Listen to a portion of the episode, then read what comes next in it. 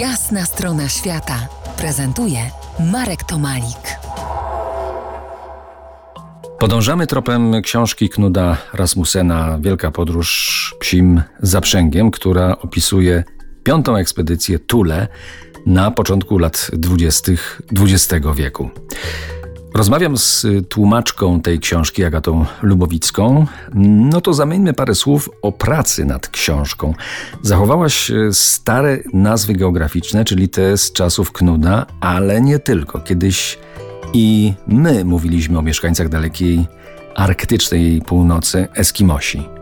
Tak, ja miałam oczywiście dylemat, ale uważam, że błędem by było poprawiać tę książkę, zwłaszcza, że mm, dla kogoś, kto by chciał badać na przykład pewne aspekty, no, również językowe tego dzieła, y, ważne jest jednak to, w jaki sposób właśnie Rasmussen nazywał y, ten lud, który badał, a on nie nazywał go wcale jednoznacznie, bo oczywiście pojawia się nazwa Eskimos. On, on często właśnie używa tej nazwy, ale obok tej y, nazwy pojawiają się też na przykład, pojawia się na przykład y, nazwa y, Grenlandczycy. Grenlandczykami nazywa Rasmussen towarzyszących mu grenlandzkich łowców Stules.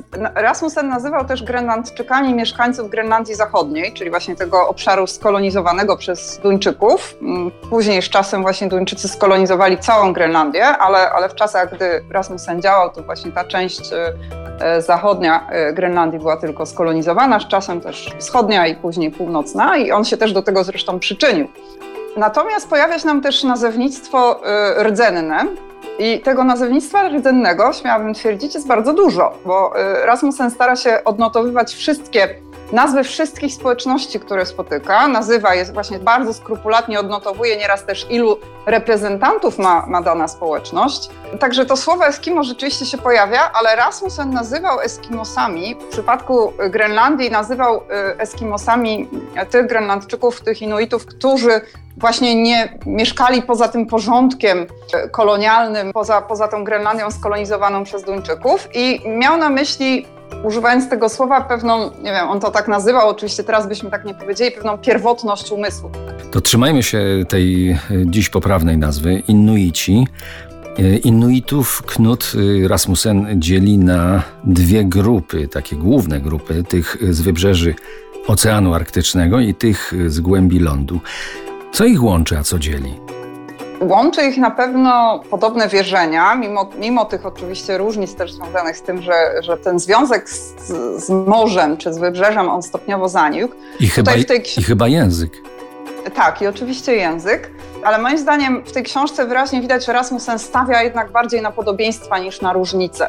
Że on stara się pokazać, że to jest jeden lud, że owszem, Inuici różnią się od siebie, właśnie zwłaszcza ci, ci, ci z głębi lądu i ci z wybrzeży, ale równocześnie mają ze sobą wiele wspólnego, bo, bo celem tej książki, w ogóle celem tej wyprawy e, było wykazanie wspólnego rodowodu wszystkich Inuitów. Właśnie to robi Rasmussen. On odbywa tę wyprawę w przeciwnym kierunku do dawnych tras migracji przodków współczesnych Inuitów i stara się pokazać, że mają oni wszyscy coś ze sobą wspólnego.